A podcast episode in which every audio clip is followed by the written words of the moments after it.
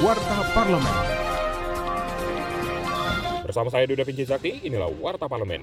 Anggota Komisi 3 DPR RI Rudi Masud meminta para penegak hukum, khususnya Polda Kalsel, meningkatkan pengawasannya terhadap pertambangan liar atau illegal mining. Hal ini disampaikannya saat rapat dengan Kapolda dan Kajati Kalsel dalam kunjungan kerja ke Banjarmasin, Kalimantan Selatan.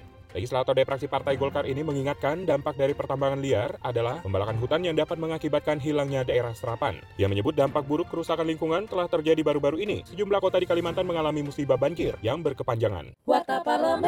Dalam rapat dengar pendapat dengan Dirut PT Telkom Indonesia, anggota Komisi 6 DPR RI Nevi Zuairina mendesak Telkom membangun Tower Based Train Saver Station atau BTS di wilayah 3T, terdepan, terluar, tertinggal sebagai upaya pemerataan target masyarakat digital menuju masyarakat digital, daerah-daerah yang masih sulit dijangkau secara telekomunikasi, khususnya di kawasan 3T, Pak. Bagaimana komitmen membangun infrastruktur BTS di kawasan perbatasan tersebut? Kalau kami mengusulkan harus dibantu, Pak. Jangan sampai nanti kita punya wilayah NKRI yang istilahnya tuh negeri tanpa sinyal, Pak. Pak. Ya. Jadi walaupun masyarakat di situ sedikit, tapi mereka juga harus berhak, Pak, untuk mendapatkan keadilan, mendapatkan informasi. Jangan sampai Bapak-bapak membangun BTS tuh karena bisnis. Jadi kalau misalkan lagi untung dibangun BTS-nya, tapi kalau nggak untung BTS-nya nggak dibangun.